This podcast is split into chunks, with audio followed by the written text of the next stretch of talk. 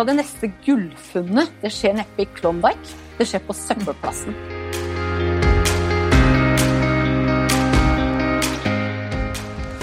I Endringsskaperne snakker vi med kunnskapsrike og engasjerte folk som kan hjelpe oss til bedre å forstå hvorfor, hva og hvordan vi kan drive bærekraftig business og leve rike og gode liv. Denne endringen den handler om deg, den handler om meg, og den handler om oss alle. Hver og en av oss kan skape endring, og sammen er vi endringsskapere. Velkommen til ukas episode. Idet koronapandemien satte en stopper for livet slik vi kjenner det, kastet vi oss rundt og gikk i gang med podkastproduksjon. Podkastene er spilt inn fra hjemmekontor, og lyden kan til tider bære preg av dette. Men det veies opp av skikkelig spennende og lærerikt innhold. WeMe er en sosial entreprenør. Et selskap som skal inspirere og hjelpe bedrifter og deres ansatte til å ta bedre vare på planeten vår, samtidig som vi tar bedre vare på oss selv. Med i studio er WeMes gründere Rune Kroken. Hei, hei. Jan Strøm. Hei. Og jeg er Linda Krogh Ødegård. Norge er et rikt land med høy levestandard. Vi har et solid velferdssystem og nyter godt av store inntekter fra oljeindustrien. Om vårt økonomiske fotavtrykk hevdes det at hvis alle mennesker på jorden skulle ha samme forbruk som en gjennomsnittlig innbygger i Norge, ville vi trengt 3,6 jordkloder. For å snu dette utviklingsforløpet vet vi at vi må legge om, og det fort. Og vi lurer på hvor stor er den omstillingsviljen og evnen til de som investerer de store summene i fremtiden? Og er grønn og bærekraftig vekst overhodet mulig? Og vil det gi den ettertraktede avkastningen som investorene er ute etter? I dag har vi med oss sjefsanalytiker i Sustainable Finance i Nordea. Altså bærekraftsanalytiker Tina Saltvedt. Og du er omtalt som trolig Norges mest siterte oljeanalytiker. Den tiden du var oljeanalytiker.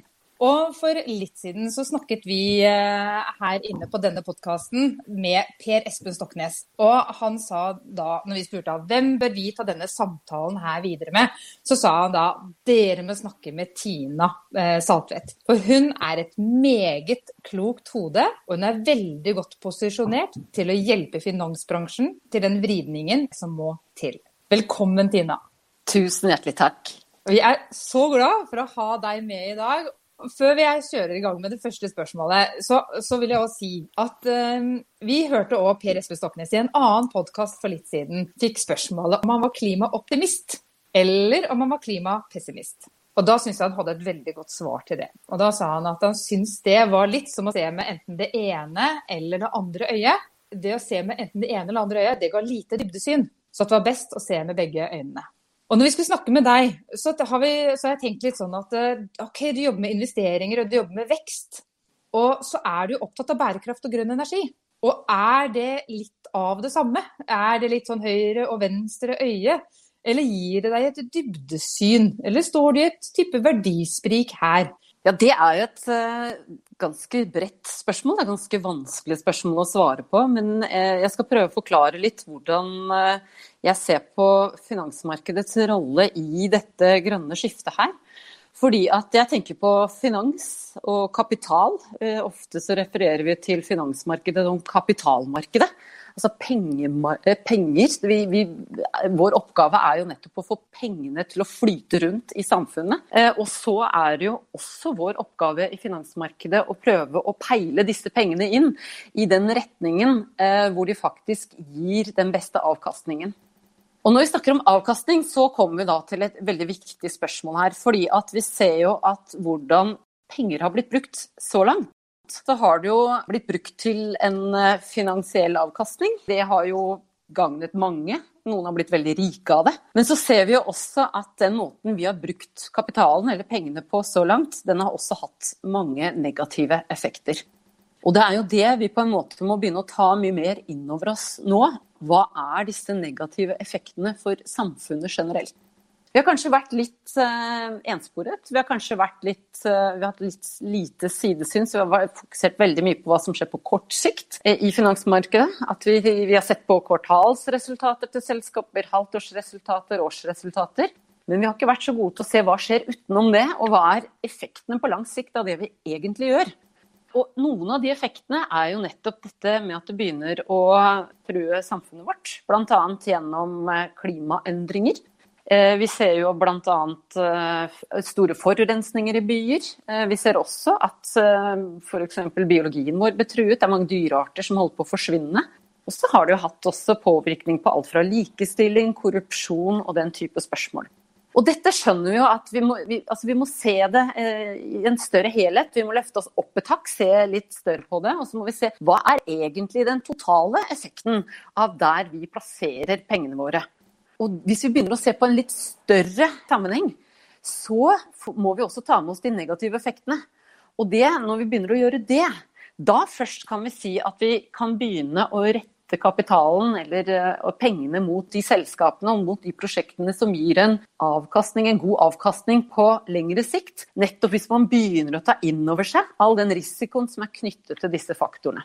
Så det er litt det vi gjør nå. Men Finans er utrolig viktig i denne settingen, fordi det er et veldig viktig redskap for å få til de endringene som trengs i samfunnet. Prosjekter, bedrifter, vi som privatpersoner, vi har et forhold til kapital. Vi trenger penger for å gjøre, eh, begynne på nye, nye prosjekter eller starte opp nye selskaper. Eller også hjelpe selskaper som eksisterer i dag til å gå gjennom den nødvendige transformasjonen. Så Derfor er det også viktig at pengene, kapitalen, er på linje med de, de, målene vi har satt oss, altså bærekraftsmålene eller klimaavtalen, som for så vidt skal reforhandles i år, hvis det blir noe over i år, at den ikke flyttes til neste år. Mm. Eh, og Det er jo derfor at vi nå jobber intensivt, veldig hardt med dette med bærekraft og, og klimaspørsmål i kapitalmarkedet. Fordi at vi må være på linje med bedrifter, med privatpersoner, for at dette skal gå. Vi må jobbe sammen. Nå ble jeg veldig glad og håpfull. det syns jeg er et utrolig godt svar. Fordi du har jo ikke alltid eh, ta, eh, liksom, tenkt på denne måten. Jeg vet jo at du, jo, du er jo en utrolig dyktig um, oljeanalytiker og har jo jobbet med det i veldig mange år. Inntil stemmer det to år siden at du skiftet over. Ja. Mm. Hva var grunnen til at du gjorde det skiftet da? Grunnen til at jeg valgte å bytte for to år siden, egentlig så begynte jeg å se på dette med grønn energi. For jeg jobbet jo med olje- og gassmarkedet i over ti år. Og det er utrolig spennende å jobbe med energimarkeder i sin helhet. Så jeg syns det har vært utrolig lærerikt, og jeg er veldig glad for at jeg har den bakgrunnen. For det har jo gitt meg en innsikt i hvordan energimarkedene og også andre råvarer fungerer. Eh, men det jeg gjorde etter at jeg har jobbet med det en stund, det var jo at man begynte å se litt effektene. Hva skjer med verden? Altså jeg er jo makroøkonom i utgangspunktet. Eh, hva skjer med verden eh, når vi har tilgang eller bruker så mye fossil energi som det vi gjør? Hvor fort kan dette grønne skiftet gå? Jeg fikk et spørsmål fra en britisk avis om dette med mm, stranded assets. Altså, stranded assets det er rett og slett hvis vi investerer i et prosjekt i dag, og så forventer vi jo at det skal gi oss en gevinst eller en avkastning i fremtiden. Men hva skjer hvis den ikke gjør det? At vi overinvesterer i en sektor som ikke blir lønnsom i fremtiden? Hva skjer da? Da taper jo de pengene. Så fikk jeg et spørsmål av denne britiske avisen om dette eh, angående oljemarkedet. Eh, eller olje, oljebedrifter. Er det ikke en fare for at vi kommer til å overinvestere i oljesektoren i fremtiden? Og da, eh, og det er nå sikkert syv år siden, så sa jeg nei, det trodde jeg ikke. Fordi at eh, oljemarkedet og oljesektoren betyr såpass mye for det totale energimarkedet. Og jeg så heller ikke at veksten i fornybar på det tidspunktet var eh, noe som ville ta opp en stor plass i det totale energimarkedet, sånn at det kunne skvise ut da de fossile energikildene. Og så sa jeg dette på Twitter bl.a., og da fikk jeg et svar fra både Nina Jensen og eh, ikke minst eh, leder i Zero, Marius Holm, om de lurte på hvilke kilder jeg brukte for å si noe om eh, veksten i fornybar energi. Og da sa jeg at jeg brukte Det internasjonale energibyrået. Og da ga de meg noen tips om at jeg burde bruke noen andre kilder, fordi at her begynte det å skje mye. Og når jeg gjorde det, når jeg gikk litt dypere inn i noen andre kilder, så begynte jeg å se at her kommer det til å skje mye. Hvis dette her fortsetter, så kan det virkelig ha en stor påvirkning på energimarkedet totalt sett. Og dette her er sikkert seks år siden nå. Det gjorde at jeg begynte å se nærmere på det. Så begynte man da å få, altså Det ene var at grønn eller fornybar energi kunne få en stor betydning for energimarkedet, sånn at vi var nødt til å legge om hvilke energibærere vi brukte. Kanskje vi ikke skulle bruke så mye fossilt i fremtiden. Og så begynte vi å få en litt sånn dårlig fornemmelse med effektene, altså de negative effektene av det å bruke så mye fossil energi. Og det samla sett gjorde at jeg, før jeg egentlig skifta jobb, sikkert i en fem-seks års tid, egentlig begynte denne eh, grønne energitransformasjonen. Og så tok jeg skrittet fullt ut for to, to år siden. fordi jeg tenkte jeg har lyst, akkurat sånn som dere, å gjøre, altså bruke det jeg har av bakgrunn, til å bidra til, forhåpentligvis, å kunne drive raskere det grønne skiftet. Jeg har lyst til å bidra til å gjøre verden et litt bedre sted å bo på. Eh, og hva kan jeg gjøre? Jeg har bakgrunn fra energimarkedet, jeg har bakgrunn fra makroøkonomi, eh, eller økonomi, eh, og finansmarkedet. Det er det jeg kan noe om. Og da tenkte jeg at uh, bærekraftig finans, det er stedet for meg. Og da var jeg så heldig, jeg fikk lov til å bytte internt, og det syns jeg er superspennende. Så jeg jobber fremdeles med energi, med mye bredere spekter. Og vi, ennå så er jo olje og gass viktig for Norge, og det er viktig at vi får med oss den kompetansen over i eh, det grønne energimarkedet og mm. inn i det fornybare energiskiftet. Og mange av de selskapene sitter jo også på mye kapital, som er viktig for å kunne få i gang det grønne energiskiftet. Så det er en utrolig spennende reise, og det håper jeg at jeg kan bidra til å pushe litt raskere. Den overgangen du har gjort nå, det at du vil være med og bidra på denne måten, hva, hva har det gitt deg? Det å jobbe med det grønne, eller det å jobbe med bærekraft, det, det, jo, det føles jo veldig riktig når man kommer på jobb og at det, den arbeidsinnsatsen man faktisk legger ned, den kan brukes forhåpentligvis til noe positivt. At man faktisk kan få i gang de prosjektene som er helt nødvendig for at man skal få oss nærmere bærekraftsmålene eller Parisavtalen. Nå er for så vidt ikke målene i seg selv eh, det som er viktig. Det viktige er jo å få en endring i vår atferd, sånn at vi faktisk kan leve ikke på bekostning av eh, hvordan jorden fungerer, men at vi kan leve i tråd med. Og mm. eh, det er jo det vi ønsker, og det er derfor vi har satt disse målene. Eh, det er greit å ha noen mål også, for det gjør det jo lettere. Vi i finansmarkedet er jo veldig glad i å måle ting og, og sette tall på ting. Og, og, derfor så liker vi jo budsjetter og resultater og, og tall. Sånn sett så kan mål være en god veileder på, på den veien vi er på. Men personlig så syns jeg jo at det er utrolig spennende. Altså man, for meg er ikke jobben det er ikke et sted man går fra ni til fire eh, og, og går hjem igjen. For min del så lever jeg meg inn i de oppgavene jeg gjør, og derfor så mm. betyr det også mye for meg at man kan bidra da, til å prøve å gjøre verden litt bedre. Det håper jeg var inspirerende å høre på for alle de som sitter der ute og vurderer om de skal gå over og jobbe inn i det grønne skiftet. Du var også innom et spørsmål her. Hvor fort kan det grønne skiftet gå? Har du noen tanker om det? Det er veldig spennende. Og jeg tenker at nå i de tider som vi er, altså nå i koronatidene hvor mye er nedstengt, mm. eh, hvor eh, vi ser store utfordringer, så har vi også en mulighet. Jeg syns det er veldig viktig å se på ikke bare altså den risikoen som ligger i endringer, men jeg syns også det er veldig viktig å tenke på endringer som en mulighet. Fordi at mm. ja, en endring vil være utfordrende for deler av samfunnet. Mange føler seg jo truet. Mange er redd for arbeidsplassen sin, for fremtidige inntekter, for familien sin. Og da er det viktig at vi skal skape en trygghet i dette skiftet for dem. De mm. er utrolig viktig for å få til dette skiftet, at man får med seg alle.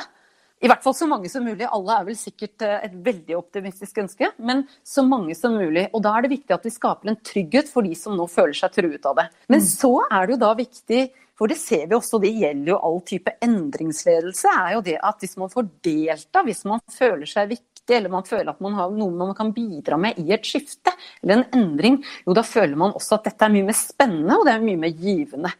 Eh, så Derfor så tenker jeg at, eh, at, det er viktig at vi får med oss alle deler i den grad det er mulig av samfunnet for, for å få i gang dette skiftet. Og da mm. er det jo noen, det er noen næringer som er mer utfordret. Eh, sånn som i Norge f.eks.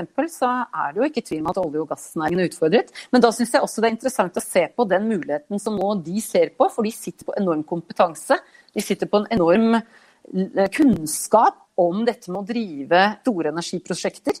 Hvordan man driver internasjonalt, og kunne ta med seg det inn i dette skiftet og bygge nye næringer rundt det, mm. det er utrolig spennende. Så få liksom blikket opp for den muligheten som ligger her, det syns jeg er veldig, eh, veldig, spennende og veldig viktig i dette.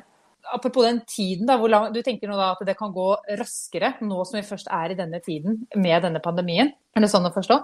Ja, det glemte jeg nesten å svare på. Eh, fordi altså, Pandemien i seg selv eh, det gjør jo at mange bedrifter nå stenger ned. Mange av de trenger starthjelp Eh, når vi nå skal starte opp igjen. Og da er det jo også viktig å se på hvor ønsker vi at samfunnet skal dreie seg. I tillegg så ser vi nå at pandemien, i tillegg til en priskrig i oljemarkedet, det gjør at oljesektoren vår får nå igjen, for tredje gang på tolv år, en stor utfordring. Det setter krasj i oljemarkedet igjen.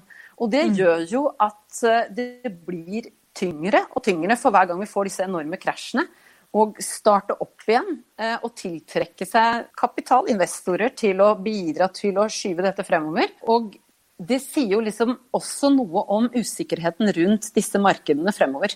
Og det gjør jo også at eh, oljeselskapene, oljeserviceselskapene, leverandørbedriftene begynner nå å se på hvilke muligheter har de i det grønne skiftet. Eh, rett og slett fordi at de, hver gang prisene krasjer, på den måten som vi ser nå, så vil, de, altså, så vil det være en del prosjekter som de har som eh, ikke blir lønnsomme. Og eh, det for å sikre sin inntjening, for å gjøre bedriftene mer stabile og for å kunne legge om i den retning vi skal på lengre sikt, så gir dette her et push til rett og slett å begynne å, se, altså å gå enda raskere over til eh, en mer fornybar energisatsing. Når mange av mm. selskapene har allerede tenkt på det og er i gang, men fordi vi får disse kraftige sjokkene inn i eh, olje- og gassmarkedene, så kan dette bidra til at dette skiftet går raskere, fordi man rett og slett, altså både investorer og selskapene selv, ser at det er et behov for å spre risikoen mellom ulike industrier og næringer, og også usikkerheten som i økende grad da preger olje- og gassmarkedene fremover. Så forstår jeg det riktig da, at uh, interessen for da, grønn og fornybar energi, den er, selv om vi står midt i en pandemi, så er den fortsatt til stede og økende? Interessen er der. Eh, det denne pandemien eh, kan bidra til, er jo rett og slett at investorer i sin helhet vil trekke seg lett unna alle markeder. Det er veldig få næringer i dag som sier nå går det kjempebra. Og vi får ingen tvil om at verdensøkonomien får seg en ordentlig trykk av dette. Eh, men det vi ser er jo rett og slett at eh, klimaspørsmålet er ikke glemt. Eh, det ligger der. Vi ser fremdeles at store investorer kan, Senest for to uker siden så sa jeg det svenske APN-fondet at de skal trekke seg nå ut av fossil energi. I tillegg så har jo verdens største investeringsfond, BlackRock, også sagt at vi kjører Vi, vi kommer til å holde oss på vår klimastrategi. Men det er ikke det som står høyest for bedriften nå. Nå må man få kontroll, man må, må, sikre fremtiden sin. Men dette mm. spørsmålet kommer raskt tilbake igjen når vi åpner opp. Nå brenner Rune inne med et spørsmål her. Vil jo ikke investeringsinteressen i fornybar energi avta når markedet flommes over av billig olje? Det er klart at det er utfordrende eh, når eh, fossil energi har en veldig lav pris. Så er det klart at det utfordrer jo da Eh, fornybar energi. Det så vi. altså Forrige gang vi så dette oljemarkedet krasjet, det var i 2014. Og da fikk fornybar energi noen utfordrende år etter det. Vi skal huske på at det er gått seks år siden den tid. Vi er i en helt annen situasjon enn vi var da.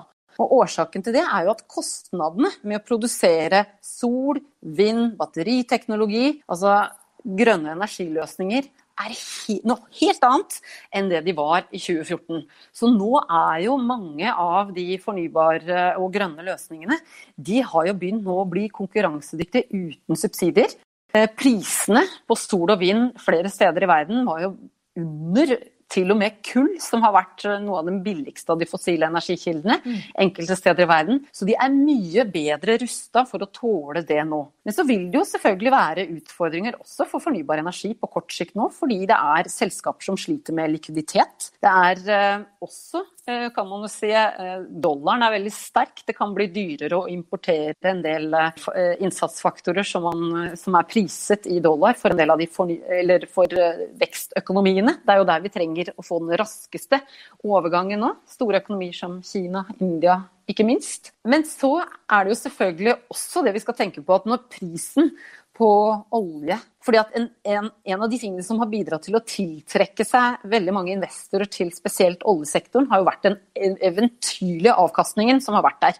Men det er helt klart at det vil jo være en helt annen avkastning når oljeprisen er 60 enn om den er 20. Sånn at den ekstra avkastningen som man har sett i oljeverdenen, vil jo ikke være like høy når oljeprisen er lav. Og det vil jo også gjøre at fornybar energi er mer konkurransedyktig nå enn det det var tidligere. Og I tillegg så er fornybar energi det er en kapitalintensiv eh, sektor. Det betyr at den bruker mye kapital, så prisen på kapital er viktig. Og da er det jo også viktig at vi har en periode nå med lave renter. De kommer til å være lave en, en periode fremover også for å få i gang igjen verdensøkonomien. Og det er jo også fordelaktig bærekraftig for uh, fornybar energi.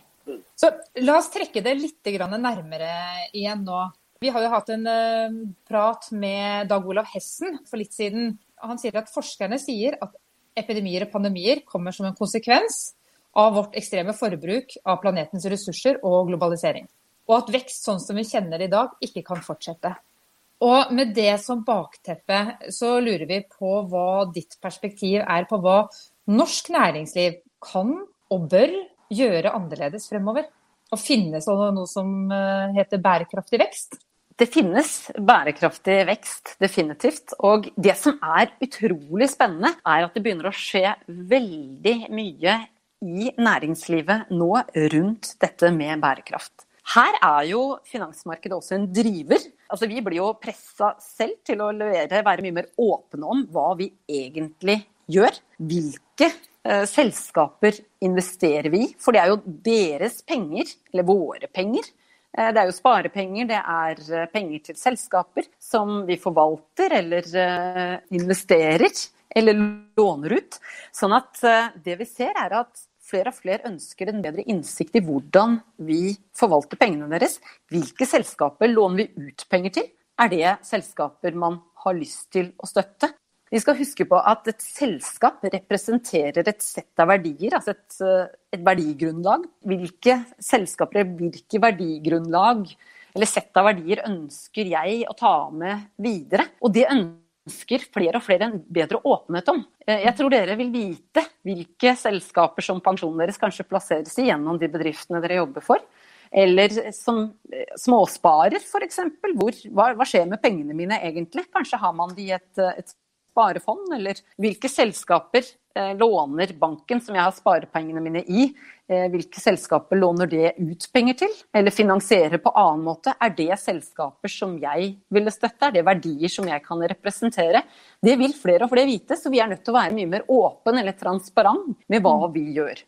Altså nå settes det økende krav til, og det her skjer det veldig veldig mye for øyeblikket, er om at man er nødt til å begynne å måle hvor bærekraftig man er. Man må måle mm. klimaavtrykket sitt. Mm. Og det har vi begynt å gjøre. Vi gjør det. Vi har jo gjort det en stund på investeringssiden, altså i de fondene man forvalter, eller de investeringene man må gjøre. Men nå har de også kommet på finansieringssiden. Så selskaper som da er ute og søker etter penger, eller det kan også være for privatpersoner, når man ser på eh, bolig eller eh, andre typer lån, så vil man jo se på hvilke fotavtrykk har det selskapet eller den personen. Nå er det ikke så mye på personer ennå. Men rett og slett så vil det ha en konsekvens. Altså hvilket klimaavtrykk eller hvilket bærekraftsavtrykk man setter. Eh, det får en konsekvens. For det måler vi, så får selskapene rating ut fra det. Og den ratingen det blir tatt med i det vi kaller kredittprosessen. Det er jo den prosessen som noen i banken eller i finansieringsinstitusjonen eller investorer har for å se på og vurdere om man tror at dette selskapet eller dette prosjektet eh, vil gi god avkastning, både finansielt, men også for samfunnet fremover. At man tar det litt større overblikket. Så Derfor så får man inn en faktor man ikke har tidligere. Denne risikoen og de mulighetene som ligger i bærekraft, og eh, ikke minst også klima, det begynner man nå å prise inn. Og det håper vi da vil bidra til å flytte kapitalen i den retningen og støtte da denne nødvendige veksten, for ikke da å gå på bekostning av kloden. Når det gjelder det norske næringslivet, og hvis du da ser bort ifra de aller største bedriftene der ute, men de som er litt sånn små og mellomstore bedrifter, har du på hva de bør gjøre annerledes fremover, og hvorfor skal de gjøre det annerledes? Jeg tror det aller viktigste er å prøve å kartlegge litt hva gjør man. Eh, en del selskaper eller små bedrifter eh, de ser jo at man gjør faktisk ganske mye positivt, men man har ikke kanskje vært bevisst på det, og man har kanskje ikke fått det frem. Mm. Og så er det jo en del eh, tiltak man kan gjøre for å forbedre seg. Jeg tror egentlig alle bedrifter, om de er store eller små, det også gjelder også som privatpersoner. Vi kan vi har ikke tenkt så mye på det. Vi har ikke vært bevisste egentlig en god del av de valgene og de eh, strategiene vi har. Så det er først og fremst nå en bevisstgjøring. Hva er mm. bærekraft? Mm. Og hva betyr det for meg? Og de store bedriftene de har jo jobbet en god del med dette fordi de har fått spørsmål gjerne om det allerede på, på, annet, på en eller annen front. Men det vi ser er at denne bevisstgjøringen den er jo ekstremt viktig nå for mellomstore og små bedrifter. Og litt hvorfor de, de ikke har kommet like langt, det er rett og slett at man har ikke ressurser i dag nødvendigvis til å flytte over og begynne å jobbe med det. Eh, og derfor så er det også viktig at eh, vi som sitter på utsiden og jobber mye med det, bidrar med kunnskap, informasjon, veiledning, rådgivning i hvordan man kan gjøre det. Men det vi ser er jo at eh, mange, mange bedrifter gjør jo mye bra. Og eh, ofte har vi også sett at når man begynner å, å se på det, altså man tar for seg bærekraftsmålene, så finner man ulikt eh, hva man egentlig jobber med, hvilken næring man driver innenfor. Så velger man seg noen eh, bærekraftsmål, og så ser man på ok, hvordan leverer jeg på disse bærekraftsmålene i dag. Og hvis jeg ikke leverer så bra på de, hvordan kan jeg da endre bedriften min, sånn at jeg kan levere bedre på det i fremtiden. Og mm. noen har vi faktisk sett at når man begynner å se litt nærmere på det, så har man hatt mulighet til å kutte en del kostnader også. Effektivisering av energibruk eh, f.eks. Eller at man gjør ting enklere, for enkle prosedyrer. Som gjør at man rett og slett også har hatt mulighet til å spare litt eh, penger på det. Eller mm. f.eks. kan samarbeide med andre, naboer eller eh, andre selskaper i kommunen din. Rett og slett fordi at man kan dele på erfaring og hjelpe hverandre gjennom det. Ja, Kjempefint. Veldig gode tips. Takk skal du ha. Rune, du renner inn med et spørsmål, og det vet jeg at Jan også gjør. ja, jeg er så heldig at jeg var først. Um, I utgangspunktet så har jo finansbransjen og, og, bedriftsledere som ofte er knyttet til finans, har jo hele tiden snakket om forutsigbare rammebetingelser. Man snakker om å maksimere verdi innenfor rammebetingelser. Og disse rammebetingelsene de er, jo, vel, er jo da stater, altså regjeringer, uh, som setter. Men, men, kan du nå si at finansbransjen på en måte lager nye rammebetingelser for seg selv som er mer ambisiøse enn, enn, enn de rammebetingelser som disse forskjellige statene har, eh, har satt? Vi har begynt i finansmarkedet å lage disse målingene i påvente av eh, rammebetingelser fra stater, vil jeg si. Ja. Ja. Eh, før klima, eller Før Parisavtalen i 2015 så var det ingen tvil om at eh, finansbransjen var ikke på på dette i det hele tatt. Da ble mye av trykket drevet av politikerne. Men så, etter jeg vil si de siste par årene, så har dette snudd. Finansbransjen har sett sin rolle i dette. Vi forhåpentligvis også lært av eh, den smellen vi gikk på under finanskrisen i 2008. Vi målte ikke risiko korrekt. Det gjorde at vi egentlig fikk den smellen som vi gjorde, en del av det. Vi hadde ikke målt risiko riktig. Eh, og eh, vi måtte finne nye måter å gjøre det på. Og da så vi jo behovet for nå å, å, følge opp på det med at vi ser jo det at bærekraft og klimaendringer får en påvirkning på økonomien. Vi er nødt til å måle dette på en bedre måte. Vi må få inn over oss de effektene. Så vi begynner å se de store effektene, spesielt på klimasiden, da, som har gjort at eh, vi er nødt til å begynne å ta dette mye mer alvorlig. Det har vi gjort. Eh, og Derfor har vi allerede begynt eh, å måle, altså måle bærekraft, måle klima. Men så har jo også EU nå kommet på bordet med en veldig offensiv plan for hvordan dette skal gjøres. De har jo en grønn taksonomi, eller et begrepsrammeverk, som, som nå har blitt introdusert. Fordi at Utfordringen med at vi har begynt eh, for oss selv i forkant, det er jo at faren med det er jo dette med grønnvasking. At mm. noen benytter seg av anledningen til å kalle noe bærekraftig eller grønt som mm. ikke burde vært kalt det. Eh, at man liker å pynte litt på, på overflaten. Mm. Eh, det er jo ikke noe vi ønsker. Og så ser vi også at det er veldig mye ulike typer målinger. Eh, fordi at det er mange ulike byråer som da tilbyr seg å måle eller å rate selskaper. Og da blir det Det kan skape forvirring hvis du får for mange av de. Altså hvis du får en fire, fem, seks, syv ulike ratingbyråer som gir ulike ratinger av selskaper eller prosjekter. Hvilken av disse skal vi høre på? Hvilken er den beste? Og Derfor er det viktig at eh, sånn som EU nå har lagt fram da denne grønne taksonomien som en start på hva man egentlig har lov til å kalle grønt, og så vil de utvide det til mer, ta inn flere bærekraftsmål etter hvert. For vi vet jo ikke helt effekten av det. Hva skjer når man gjør denne type målinger? Og uh, hvem rammes mest av det, på godt og vondt? Og uh, vil det påvirke nok? Det man ønsker er å få i gang et, et flytte av kapitalen er dette sterkt nok til å få i gang den endringen raskt nok til faktisk å nå disse målene. Og, og, du er jo innom grønnvasking her nå. Og det er, det er jo noe vi hadde tenkt å spørre deg om. Tilbake i november i 2019 så sier du i Finansavisen at bærekraft skal inn i alle deler i organisasjonen og gjennomsyre kulturen. Det er først da man virkelig kan skape en endring. Oppmerksomheten rundt bærekraft har virkelig eksplodert det siste halvannet året. Og her snakker du også om at bærekraft ikke lenger kan være en separat del av selskapet, som man bare kommuniserer gjennom gloss i rapport, sånn, men at det må være en integrert del. Og hva er forskjellen her mellom grønnvasking og denne integrerte delen av misjon og visjon og, og strategien til bedrift? Kan du tydeliggjøre det litt for, for oss som lytter på?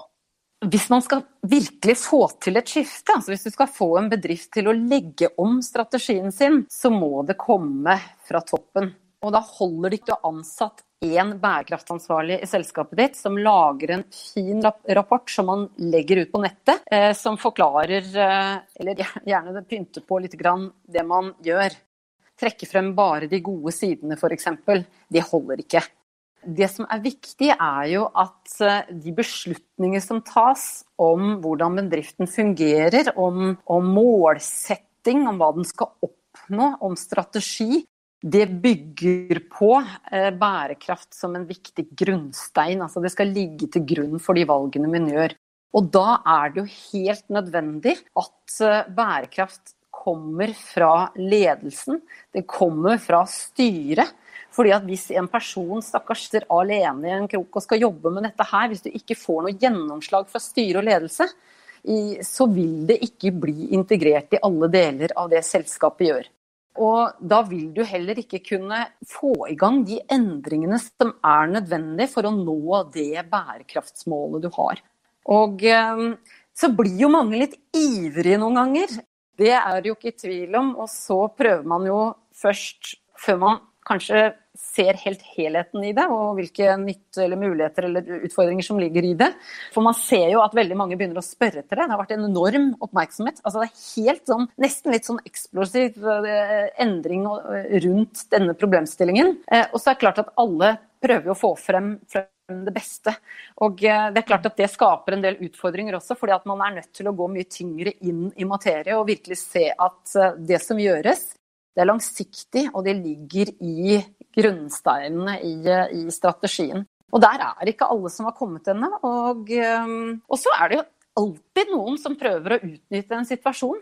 Det skal vi også huske på. Det er noen som prøver å utnytte en situasjon for å tjene raske penger. Og det er vi også nødt til å, å, unngå. Og For oss i finansmarkedet så er det så viktig, og det er derfor vi prøver å bli mer og mer åpne om dette. Det aller viktigste for oss det er at vi har tillit hos publikum, vi har tillit i, samfunnet. Eh, det mistet vi litt under finanskrisen, og det har vi vært nødt til å bygge opp igjen. og Derfor er det også viktig for oss at vi nå viser at vi tar dette med bærekraft seriøst. Dette er noe vi ønsker å være åpne om, sånn at faktisk det er en tillit til oss i de valgene vi gjør, slik at det er tydelig hva vi ønsker å gjøre med dette. At ikke dette er et tiltak som bare skal gagne finanssektoren, men vi ønsker å være et viktig bidrag i denne endringsprosessen. Jeg satt og tenkte på et konkret eksempel når vi i stad snakket om uh, dette med måling, og, og, det du fortalte rundt det, Tina. Og ut ifra spørsmålet ditt, Linda, om hva, hva kan små og mellomstore bedrifter gjøre.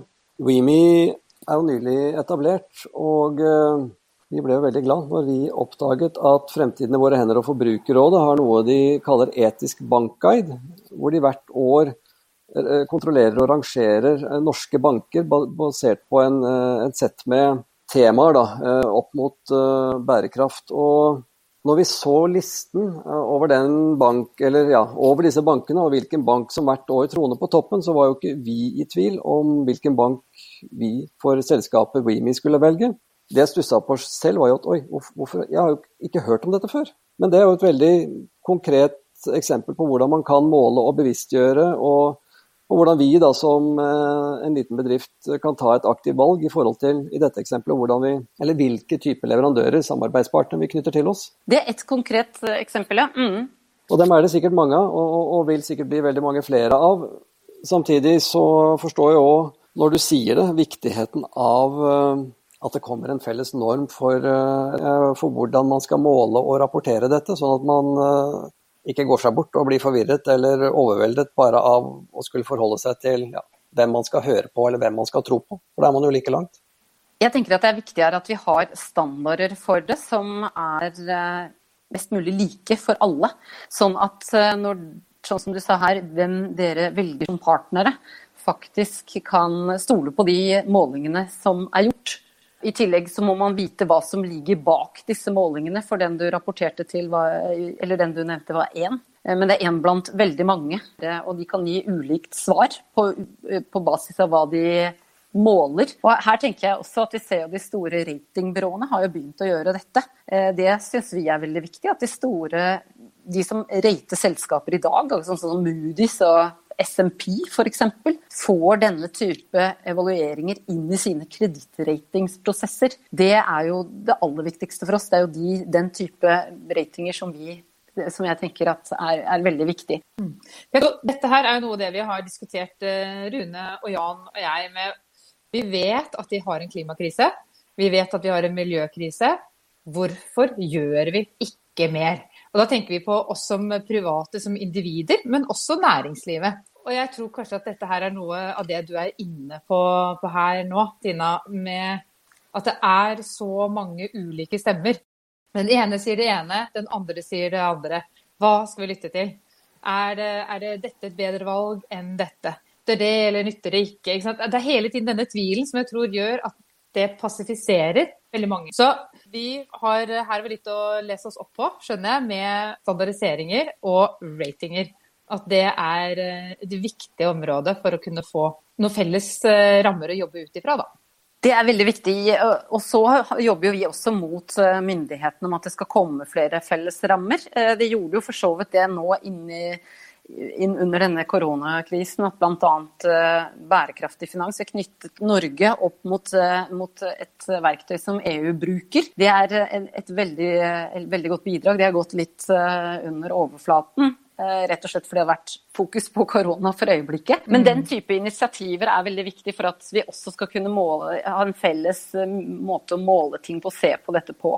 Det som er viktig, er jo at vi får denne rapporteringen integrert i det vi gjør, for å skape den endringen, for å skape det trykket. Og det vet vi jo i hvert fall at konsulentbransjen driver og, og jobber mye med. Men at da, som vi har vært inne på, at dette blir mer felles måter å måle ting på.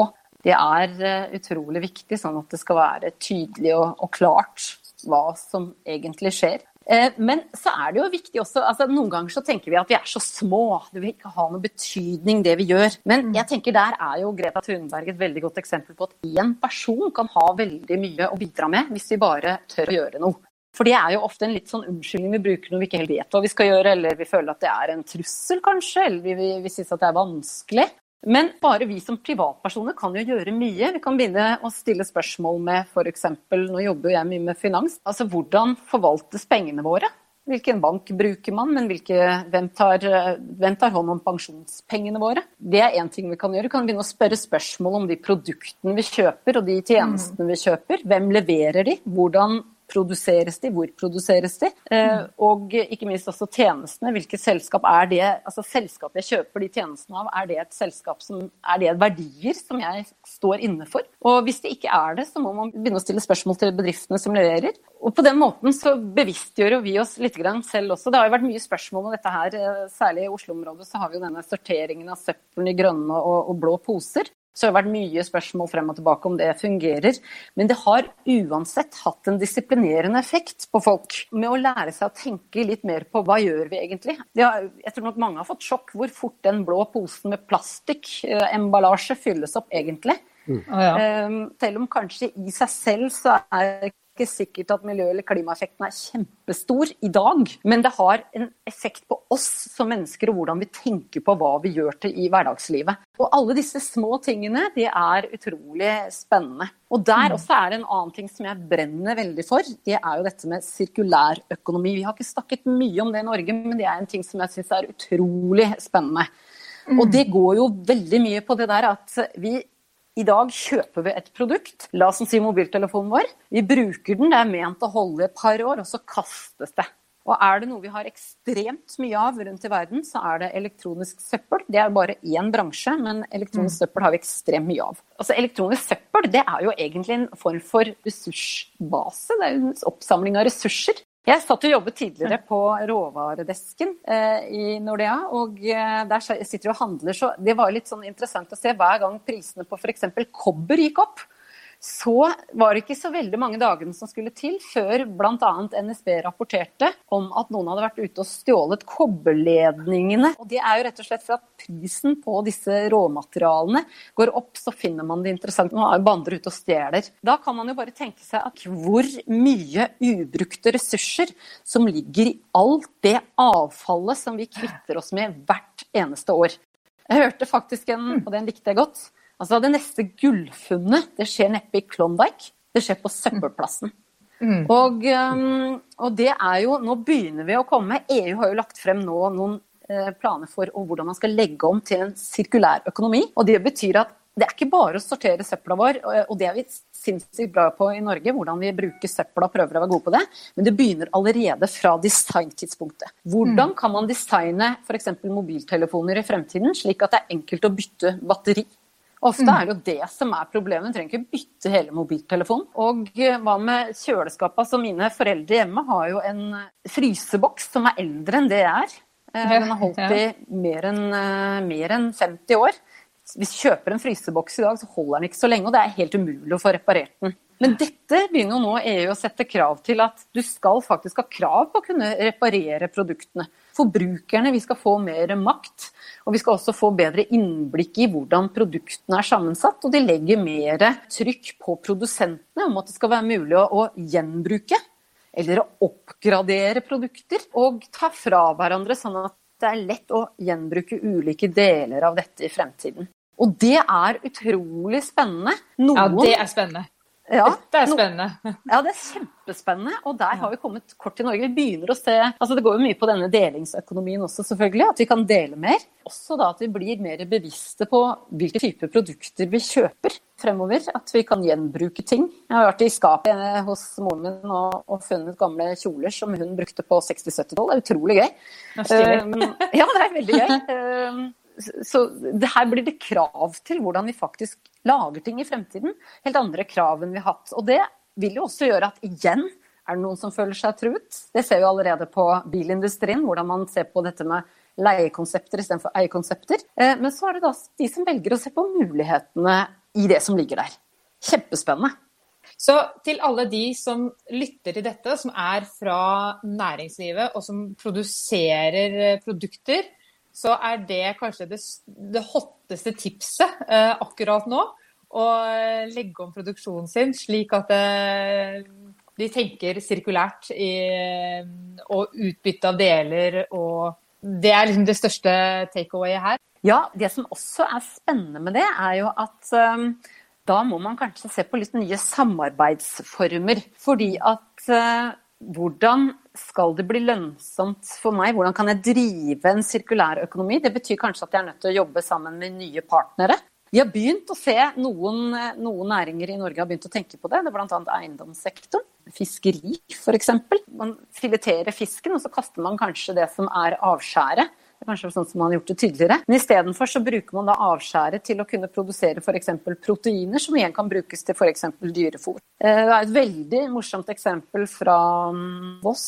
Der er det en bedrift som produserer eh, larver, det heter Invertapro. Eh, de bruker da matavfall som mat til å dyrke larver. Og så tar de ut disse larvene når det blir en, ja, en viss størrelse, tørker de, maler de opp til proteiner som da faktisk eh, kan brukes i brød. Og det selges faktisk brød med det i dag. Ja, det, det har jeg sett. Mm. og de kan Man tenker Jeg har faktisk smakt på en av de også. Den var, den var tilsatt chilismak. Det smakte litt som bacon crisp, egentlig. Det, jo, det, sitter jo egentlig i hodet vårt mer enn det, det, gjør i noe annet. Ja. Men vi er jo ikke vant til det. Det er en liten omstilling som skal til der. Men, men tenk hvor viktig det er Eh, for eh, altså Proteiner er jo ekstremt viktig for eh, oss mennesker og, og våre måltid. Vi trenger jo definitivt også legge om kostholdet vårt til å bli sunnere. Og så er det også som kan brukes som dyrefôr eller til fiskeoppdrett. Og, og, kanskje slipper å importere så mye fiskefôr fra sånn som vi gjør i dag, Brasil, mm. eller som må fraktes, fraktes, over lange distanser. Og kanskje utfordrer også urskogen. Så det er mye spennende som ligger i Men for å få denne type prosesser til, så må man kanskje samarbeide med andre bedrifter. Er det noen For denne bedriften, altså hvor kan man kjøpe matavfall? Og hvem kan, være, altså hvem kan man selge proteinene til? Og så får man nye mm. samarbeidspartnere. Og så får man mm. dette til, eh, til å, å, å, gå i en sirkel etter hvert. Så det er kjempespennende, men man må tenke litt nytt. Bare et sånn kort oppfølgingsspørsmål i forhold til det, nettopp det vi snakker om. Hvis du skal tro, liksom, hvor, hvor fort tror du dette kan gå? Altså hvor, eh, hvor raskt kan man se at det norske næringslivet tar dette til seg? Det som er spennende, er at det er noen sektorer som, som jeg har vært inne på, som har begynt å se på det allerede. Men jeg tror at en viktig driver for oss vil være nettopp denne sirkulære strategien som EU nå har fremlagt. Fordi at de Altså, vi skal huske på at Norge, når vi ser på handel, så altså 80% av vår eksport i verdi, varehandel i verdi, går til EU. Og så importerer vi 60% fra EU-land. Så vi, har veldig, vi er veldig tett knyttet til EU. Så hva de gjør av eh, politikk og klima og bærekraftsarbeid, det vil, enten vi vil eller ikke, påvirke oss i en eh, ganske stor grad. Så når EU nå kommer til å legge den type krav til sine borgere om nettopp eh, sirkulære produkter, så vil jo det selvfølgelig også bli lagt et krav til utover det.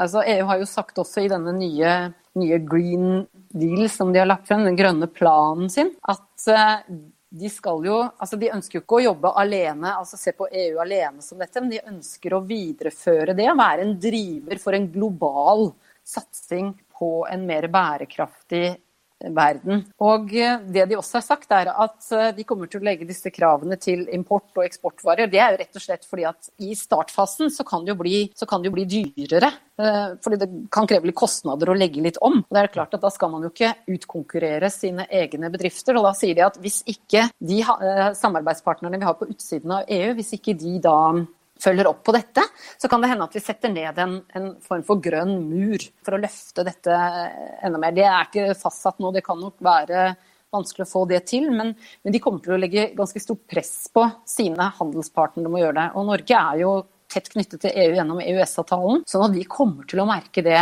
ganske godt, tror jeg. Så jeg, her snakker vi bare om veldig kort tid før det kommer til å bli en en stor sak, tror jeg, også i Norge. En spennende mulighet, ikke minst. Og så har vi jo mm. bedrifter sånn som f.eks. Norsk Gjenvinning, som allerede er godt inne, inn, i dette. Da. Ja. Er det på tide at man endrer styringsreglene for oljefondet til en grønnere profil? Ja, altså oljefondet har jo hvis jeg har sett de siste par årene, så har de lagt frem ganske mange rapporter på dette med bærekraft. De har lagt om altså én på bærekraft, én på hav, én på klima, blant annet. Sånn at oljefondet i seg selv får jo mer altså strengere rapporteringer rundt disse. Men så er det jo klart at man kan ta en større del. Nå fikk man en liten åpning for det i fjor, om at oljefondet nå kan begynne å investere i eh, unotert infrastruktur og grønn energi. De har det jo ikke vært mulighet for tidligere. Jeg hadde jo håpet at den potten kunne bli enda større. Men jeg tenker at det som, eh, det som, er viktig, er at man har strenge kriterier for dette med bærekraft liggende til grunn for hele investeringsuniverset, sånn at hele investeringsuniverset til eh, oljefondet faktisk bygger på bærekraft. Eh, men det, altså, jeg tenker også fremover at det vil jo bli interessant etter hvert som nå altså den fornybare energisektoren blir mer og mer uavhengig av offentlig støtte gjennom subsidier og andre typer tiltak, så vil det jo være mer og mer interessant sannsynligvis å investere i de sektorene, fordi at det fjerner jo en risiko som ligger inne. Det vi har sett er jo at subsidier de noen land påfører de, og så får de nytt styresett, og så fjerner de det. Og, og det er klart at investorer er ikke så veldig glad i den type endringer. Men uh, vi hadde kanskje håpet at eh, det som skal investeres i uh, bærekraft og klima, hadde vært større enn det det er i dag. Eller i hvert fall i, i, grønn energi og grønn infrastruktur. Det vil jo selvfølgelig bidra til å kunne løfte det enda raskere. Så um, en større del enn det som er i dag, ja det, det vil vi jo kunne ønske. Men det er jo viktig her at, at man skal jo Det bør jo ligge inne i de totalen i investeringskriteriene for oljefondet at det skal være strenge bærekraftskriterier. Det er jo for så vidt også, men eh, det kan gå raskere. Tilbake til meg som småsparer, eller oss som, som småsparere, som forbrukere. Eh, nordmenn generelt er ganske flinke til å spare i fond. Mer eller mindre bevisst. Eh, man har forskjellige spareordninger. Og jeg har jo registrert selv at det dukker stadig oftere opp Eh, noen sånne små grønne flagg eller tegn i, i fondet for å angi om disse fondene eller i hvilken grad de investerer i bærekraftig næring. Er det, noe, er det et sånt konkret eksempel som vi kan være mer bevisst? Altså disse, den type form for rapportering av bærekraft i forhold til investering i fond? Definitivt. Eh, og her begynner vi å se en veldig stor endring. fordi at Folk begynner nå å bli mer bevisst på å spørre etter eh, man kan ha spesialfond, men også hvilke selskaper det faktisk investerer i.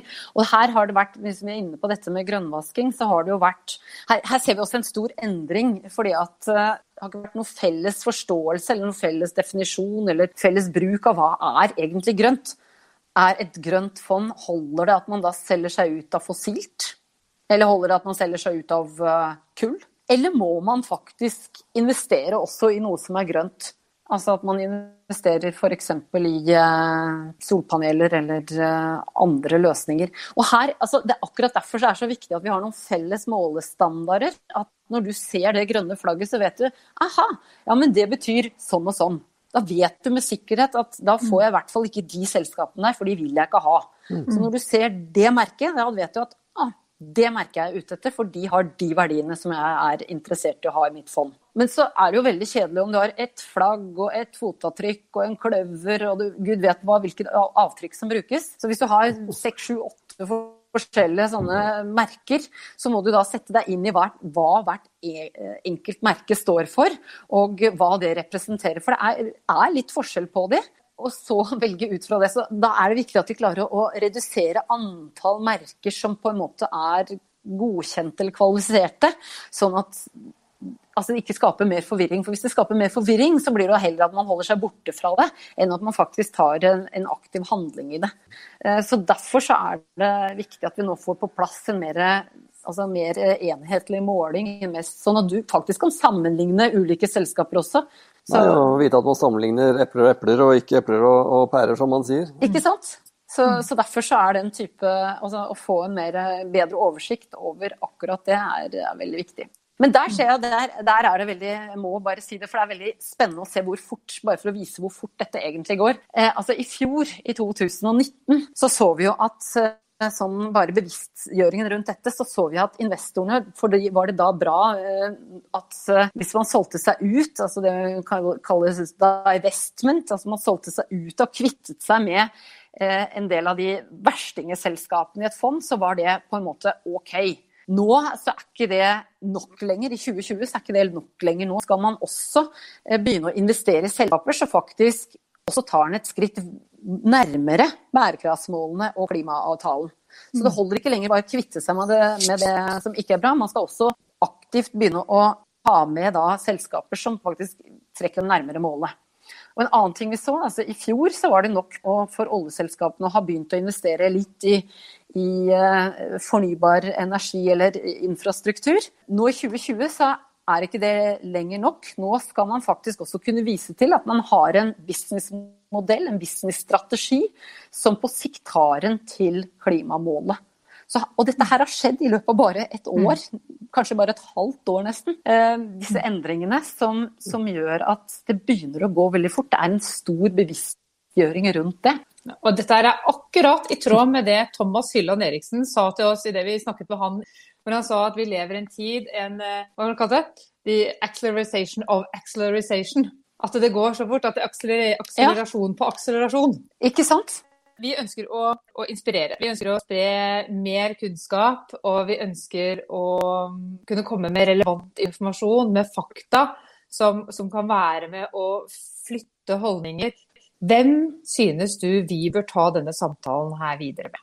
Jeg syns jo eh, at dere bør ta samtalen med eh, Nina Jensen og Marius Holm. For de har vært eh, store inspiratorer, for min del i hvert fall, til både å hjelpe meg å komme med informasjon, eh, men også være gode sparringspartnere på hvordan man skal både, altså hva man skal se på, hvordan man skal klare dette grønne skiftet. Så Det er to personer som jeg eh, setter veldig stor eh, pris på, som er utrolig faglig dyktige.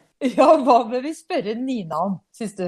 Nina er jo eh, marinbiolog, og hun har jo havet som passion. Så jeg ville jo spurt kanskje Nina om hva er det første vi må gjøre her i Norge for å kunne bidra til å gjøre, gjøre at havet skal eh, forbli en god standard til våre barn. Det var et godt spørsmål. Og til Marius, da? Hva kunne vi stilt han eh, for et spørsmål? Hva vil vi Marius? prate med han om?